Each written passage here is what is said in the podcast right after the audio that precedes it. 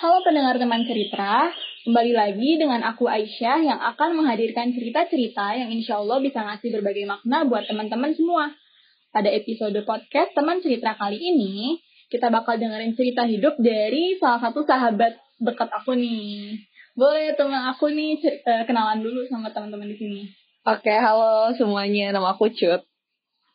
Halo Cut. Nah, sebelum cerita-cerita lebih lanjut, mungkin Cut bisa ceritain dulu tentang kehidupannya gitu, tentang aktivitasnya, kesibukannya, supaya teman-teman yang dengerin tuh bisa kenal juga sama Cut, nggak cuma aku doang yang kenal. Oke deh, nah kenalin nama aku Cut. Uh, aku sebenarnya bukan orang Aceh ya, aku cuma numpang lahir doang. Dan aku udah lima tahun nih kebetulan satu alma mater sama sahabat aku Aisyah.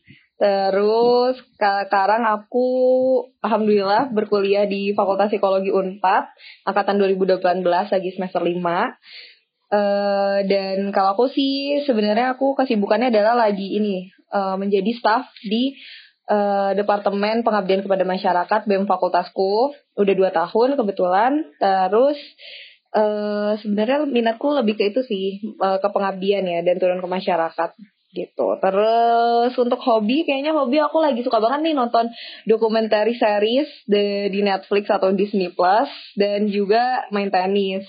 Ya nggak jago ya, tapi lumayan lah ya buat mengisi waktu gitu. Oke, kenalan yang sama. Jadi teman-teman Cut ini anak psikologi, mahasiswa psikologi. Jadi mungkin selain cerita-cerita di sini, bisa kali diselipi mau tipis tentang psikologi okay, gitu ya. Tipis. Sama tadi juga Cut udah sharing tentang apa sih yang dilakuin buat nyitan gitu kan, nonton, main tenis kayak gitu. Nah, Uh, ya aku sama Cut tuh udah berteman cukup lama, udah lima, dari tahun 2013 mungkin ya. Iya benar. Cuman semenjak kita kuliah, kita juga udah jarang komunikasi kan. Mm -hmm. Akhirnya kita beda uh, tempat kuliah juga. Tapi seperti pada kita juga udah jarang uh, cerita-cerita lah tentang mm -hmm. apa sih yang terjadi di hidup kita gitu. Mm -hmm. Cuman kan kita juga sama-sama tahu kalau kehidupan kuliah tuh uh, cukup menjadi tantangan untuk setiap orang gitu, mengulas pikiran, hati dan lain-lain dan aku juga tahu kalau misalnya Cut juga sebagai mahasiswa juga uh, pernah menghadapi masa itu masa di mana kita menghadapi titik terendah kita mm-hmm. gitu kan. seperti apa yang aku alami mungkin teman-teman di sini juga yang dengar pernah alami gitu. Nah di sini tuh uh, Cut mau sharing ya tentang apa sih masalah yang dihadapi saat ada di momen terendah itu tuh kayak gimana sih gitu. Mungkin Cut bisa ceritain dulu. Jadi kalau aku boleh cerita uh, Sebenarnya aku bingung sih, karena menurut aku aku suka diri aku yang di kuliah ya. Jauh lebih suka aku diri aku yang di kuliah dibandingkan SMA gitu. Uh, menurut aku aku improve banget gitu di berbagai banyak hal kayak menurutku aku lebih kenal diriku sendiri, lebih lebih bisa terbuka, banyak hal lah yang improve SMA. Sampai akhirnya aku sadar uh, di satu hal yaitu adalah kayaknya aku tuh aku gimana ya sih aku tuh tipikal orang yang aku seneng kalau ketemu orang lain hmm. jadi kalau nih ini ini disisipin uh, ilmu psikologinya tipis ya jadi aku tuh orangnya ekstrovert parah hmm. nah kalau menurut uh, ada nih nama tokonya adalah Jung katanya tuh uh, ekstrovert introvert itu kayak ini kayak ngecas energi hmm. jadi ada kalau orang ekstrovert dia itu energinya akan naik kalau dia ketemu orang. Nah, aku tuh kayak gitu. Aku seneng banget ketemu orang dan kebetulan ya anak-anak Papsi anak-anaknya baik-baik kan. Ya udah tambah seneng deh ketemu orang-orang. Nah, terus uh, aku tuh kesetresan aku yang pertama adalah pandemi karena aku nggak bisa ketemu orang-orang. Dan bener, itu stres banget. bener, bener. ya kan apalagi pas sebulan dua bulan pertama tuh beneran di rumah doang kan. Karena orang-orang menyuruh emang himbauannya di rumah. Hmm. aku nggak bisa ketemu orang-orang ya udah di rumah aja terus. Dan itu tuh beneran stressful. Mungkin karena kemarin itu juga aku belum beradaptasi ya. Kalau misalnya uh, ya sekarang kan kita bisa nih kontakan dengan banyak hmm. hal ya. Meet, Line dan lain sebagainya itu stres banget. Sampai akhirnya uh, aku bisa menemukan nih cara untuk ber apa ya untuk me, kembali merecharge energiku dengan bertemu orang itu dengan keep in touch lagi sama anak-anak komplek. Akhirnya aku dekat sama teman-teman komplek. Nah tapi masalahnya adalah teman-teman yang di, di kuliah. Hmm. aku dari dulu sampai sekarang sampai detik ini aku merasa kalau aku dekat sama orang kalau aku kerja bareng atau temenan peers aku tuh harus deket tuh benar deket harus heart to heart hmm. nah dan uh, itu tuh beneran kayak aku harus tahu dia kenapa, aku harus tanyain dia kenapa, aku harus harus feel connected gitu sama dia. Sampai uh, akhirnya aku merasa aku se aku suka sedih aku suka live out kalau misalnya aku nggak tahu event dalam hidup dia hmm. atau dia nggak nggak menceritakan balik ke aku kayak gimana gitu jadi kayak atasannya aku udah memberikan effort nih ya ya lewat apa lagi ya kalau pandemi kan lewat lain ya aku kayak udah memberi effort dengan menanya gitu atau apa tapi uh, kok kamu nggak memberikan effort yang sama gitu. Yeah, yeah. Nah itu, jadi aku punya ekspektasi tertentu ke orang lain karena aku memberikan suatu effort gitu.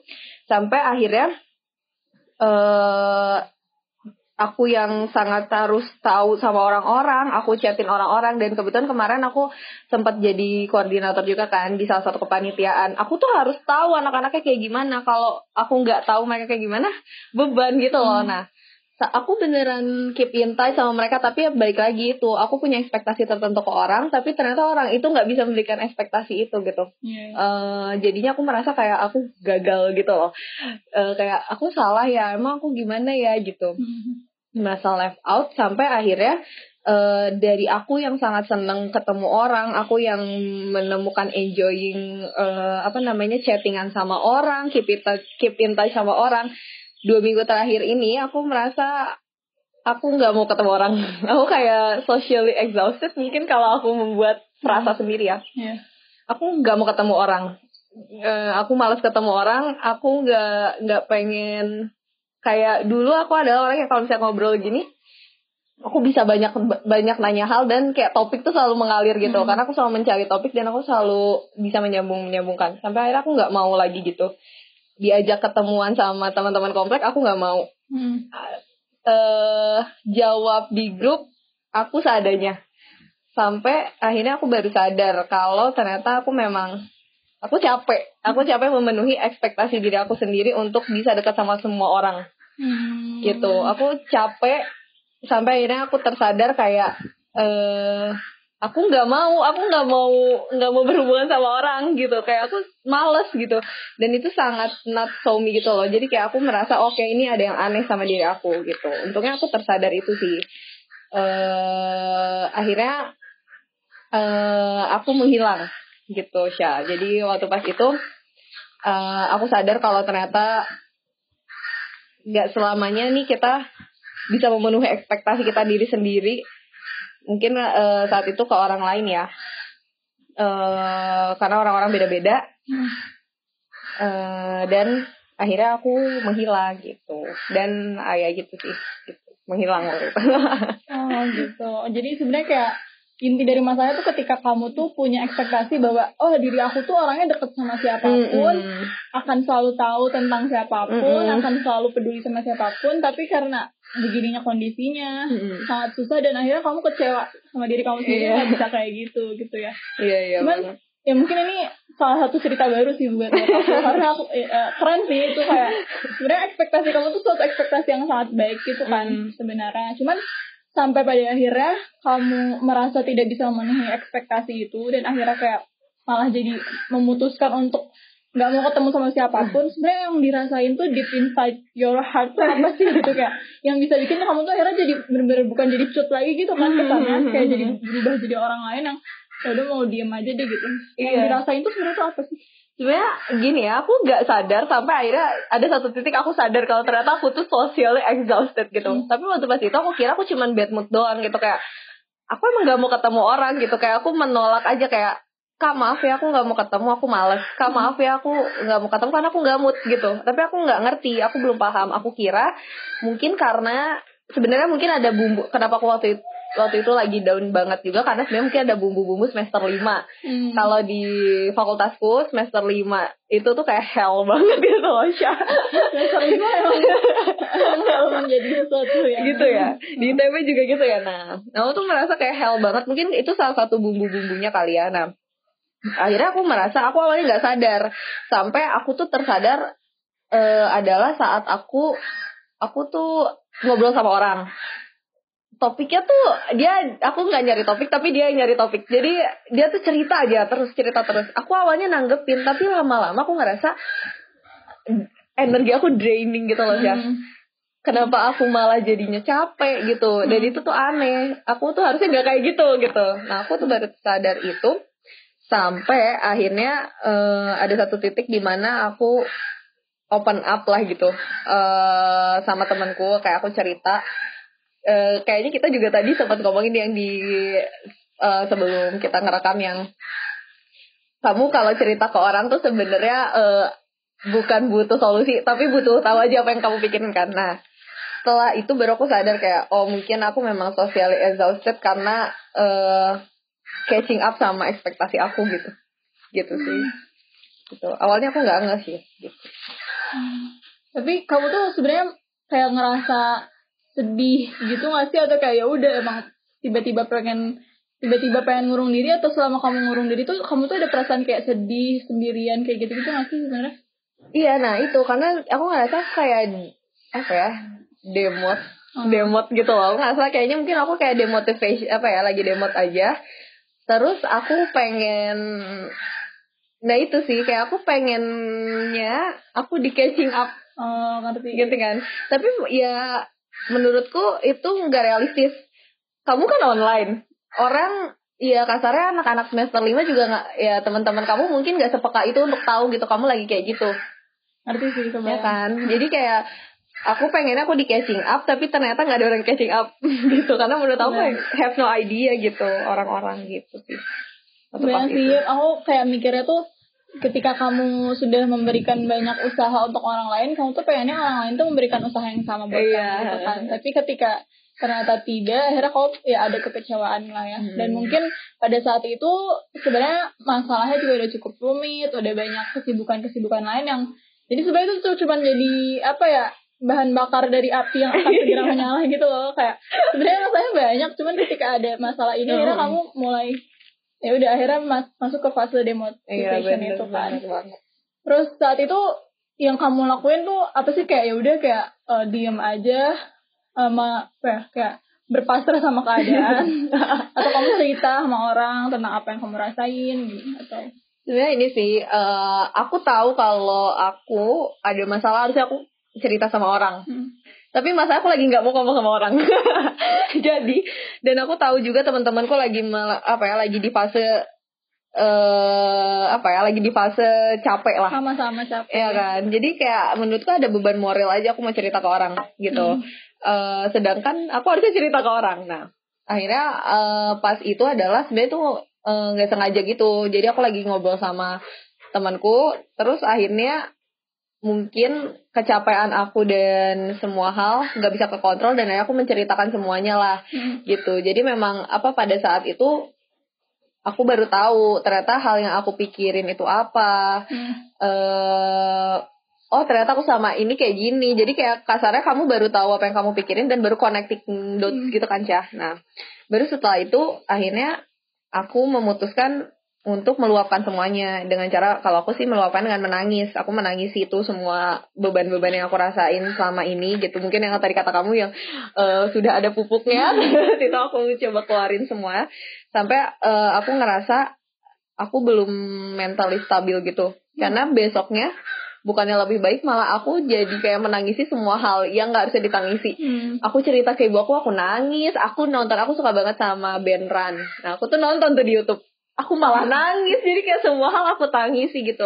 Sampai akhirnya aku ya itu aku menghilang. Aku minta izin ke ke teman-teman dan orang-orangku eh orang-orang terdekatku untuk aku mau menghilang dulu ya sama satu hari. Jadi kayak mungkin kayak sosial media detox gitu satu hari. Terus ya udah baru setelah itu kayak jadinya lebih tenang gitu. Dan kayak aku mungkin bisa melewati dan karena udah menangisi semua hal dalam hidup akhirnya jadi lebih lebih lega dan uh, di hari itu juga aku cerita akhirnya open up sama teman-teman terdekatku.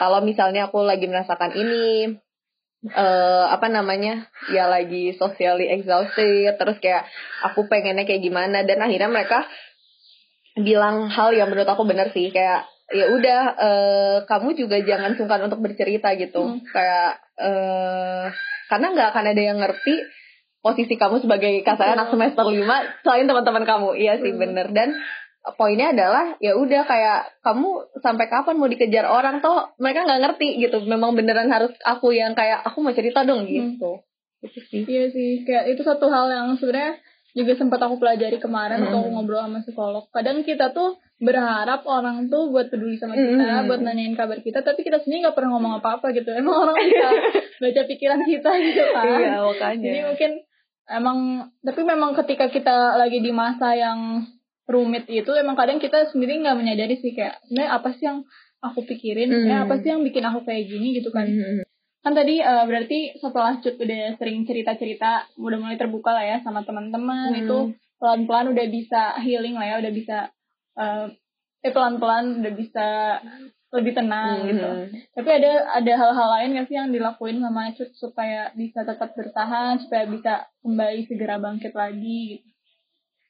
Sebenarnya ini sih menurutku uh, apa ya kadang nah itu aku juga belajar mungkin aku terlalu terfokus sama orang lain tapi aku nggak bukan ini ya terfokus di sini adalah bukan bukan berarti kayak aku harus memenuhi ekspektasi orang lain kayak terhadap aku. Jadinya aku sibuk uh, membenahi diriku sendiri bukan gitu. Tapi aku terlalu sibuk memikirkan orang lain. Jadi kayak aduh uh, si A kenapa ya aku gini?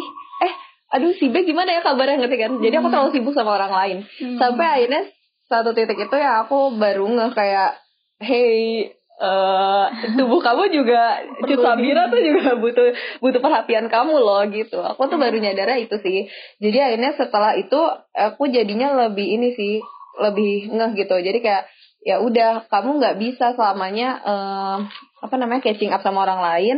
Jadinya uh, satu hal yang buat aku bertahan adalah aku akhirnya menurunkan ekspektasi aku terhadap orang lain dan ekspektasi aku terhadap diri aku sendiri gitu. Kayak aku nggak bakal bisa. Kamu mau mau uh, deket misalnya teman kamu 10 kamu mau deket 10 10-nya nggak mungkin. Jadi akhirnya aku uh, belajar untuk uh, menurunkan ekspektasi aku terhadap diri sendiri untuk catching up sama orang. Tuh aku turunin. Terus setelah itu ya udah akhirnya aku uh, lebih perhatian sama diri aku. Jadi kayak aku tahu aja kayak ya udah kalau misalnya kamu eh kayaknya aku lagi ini deh lagi nggak mau nih uh, catching up sama orang udah ya, ntar aja ya udah ntar aja gitu. Terus kayak melakukan hal-hal yang aku suka. Makanya aku tadi bilang kan aku lagi suka banget nonton dokumentari series gitu. Kayak ya udah itu kayak termasuk salah satu me timeku. Dan satu halnya adalah meluapkan semuanya gitu. Daripada dipendam menurutku memang harus diluapkan gitu sih Syah. Entah mungkin dengan kalau aku sih uh, meluapkan aku dengan ber, menangis dan bercerita ke orang lain sih oke okay. itu sih uh, poin utama yang aku tangkap adalah ya sebelum kita peduli sama orang lain jangan lupain peduli sama diri kita sendiri kan ini hmm. juga salah satu yang aku pernah dengar di podcastnya Marshanda sama Deddy Kobuzer uh -huh. jadi katanya uh, tahapan kita itu ada empat. Yang pertama itu self like, mm -hmm. jadi ketika kita nggak peduli sama diri kayak udah benar-benar nggak peduli sama mm -hmm. diri. Terus selfish, ketika kita egois, pokoknya benar-benar segala tentang diri kita. Mm -hmm. Terus baru self love, ketika kita udah bisa menghargai dan mencintai diri kita. Baru terakhir adalah selfless, ketika kita uh, lebih memperhatikan orang lain gitu kayak memperhatikan sekitar. Jadi sebelum kita bisa mm -hmm. ada di tahap selfless tuh kita harus berhasil ada di tahap self love dulu. Gitu. Jadi kayak sebenarnya itu isu yang udah mulai sering dibahas ya tapi yeah, iya. mungkin masih banyak orang yang juga belum belum mencapai itu yeah, gitu yeah, yeah. orang tuh belum bisa mencapai tahap self love itu jadi yeah. kita sama-sama untuk terus memperbaiki diri supaya kita juga bisa memperhatikan diri kita mm -hmm. sendiri gitu kan oke mungkin dari Cut ada lagi cerita-cerita yang mau disampaikan sebenarnya ini sih Syah kamu sadar gak sih gak tau ya ya I hate corona. Tapi menurut aku sama corona dan hal-hal yang terjadi, aku tuh merasa satu hal yang paling terasa ya kalau aku mencoba mencari hal yang aku syukuri dari corona adalah aku jadi lebih mengenal diri aku sendiri. Hmm. Ya gak sih kayak kasarnya kamu 24 jam paling sering sebenarnya dengan diri kamu sendiri hmm. gitu kan karena kamu nggak bertemu orang secara uh, visual dan real life gitu. Semuanya kan uh, fiksi ya, semuanya sosial media gitu, nggak fiksi juga sih. Jadi kayak aku merasa selama selama pandemi ini karena aku sering bersama aku, aku jadi lebih kenal aja diri aku siapa. Terus kayak hal-hal yang aku kira, oh kayaknya ah udah deh ini uh, aku udah nggak kayak gini lagi nih aku ini aku yang kayak gini tuh di SMA eh ternyata tuh masih loh diri aku yang kayak hmm. gini. Terus kayak itu hal yang menarik sih menurut aku. Jadi aku lebih tahu aja oh aku tuh kalau capek tuh kayak gini. Oh aku tuh bisa loh kayak apa namanya kayak um, uh, ya melakukan suatu hal yang bahkan tak terduga. Dan kayak aku juga baru sadar kayak oh ternyata aku tuh recharge-nya adalah ketemu orang lain. Itu juga aku baru sadar pas aku pandemi gitu sih. Jadi kayak hmm. sebenarnya banyak hal yang kamu hmm. jadi tahu sama pandemi gitu kan hmm. gitu gitu.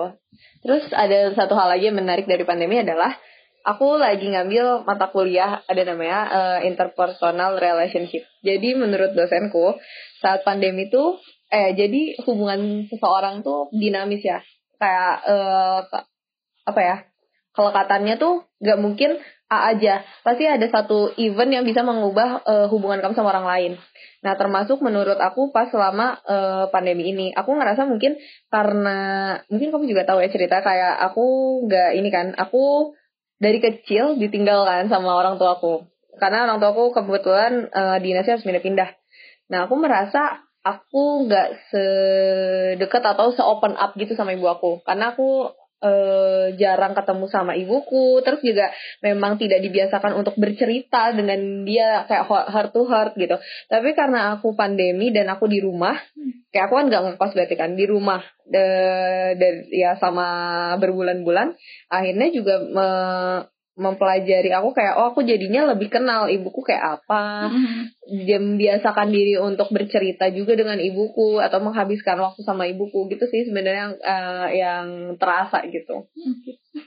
Ya sih itu satu pelajaran dari kejadian pandemi ini lah ya.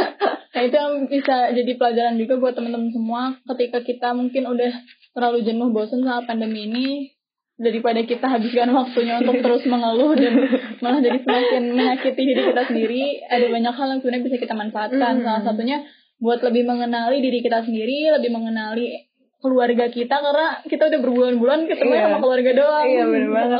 sama temen-temen tuh virtual ya mm. gitu Oke, okay, terima kasih banyak Cut, udah banyak cerita-cerita, banyak banget pelajaran yang mungkin bisa diambil sama teman-teman semuanya. Mungkin dari itu ada closing statement atau quotes-quotes andalan. quotes andalan ya, aduh apa ya, aku tuh nggak jago nih buat quotes. Jadi sebenarnya uh, ini sih, aku pengen apa ya quotesnya. Closing statement dari aku adalah, kamu tuh manusia, jangan sampai kamu tidak memanusiakan diri kamu sendiri itu sih dari aku. Oke, teman-teman itu closing statement yang mungkin terdengar sederhana tapi itu sebenarnya banyak banget dari kita yang belum sadar nih teman-teman. Jadi tadi kata Cut adalah kita ini manusia dan jangan lupa untuk memanusiakan diri kita sendiri. Oke teman-teman semua terima kasih juga untuk yang telah mendengarkan. Pesan terakhir jangan lupa bahagia ya. Iya yeah,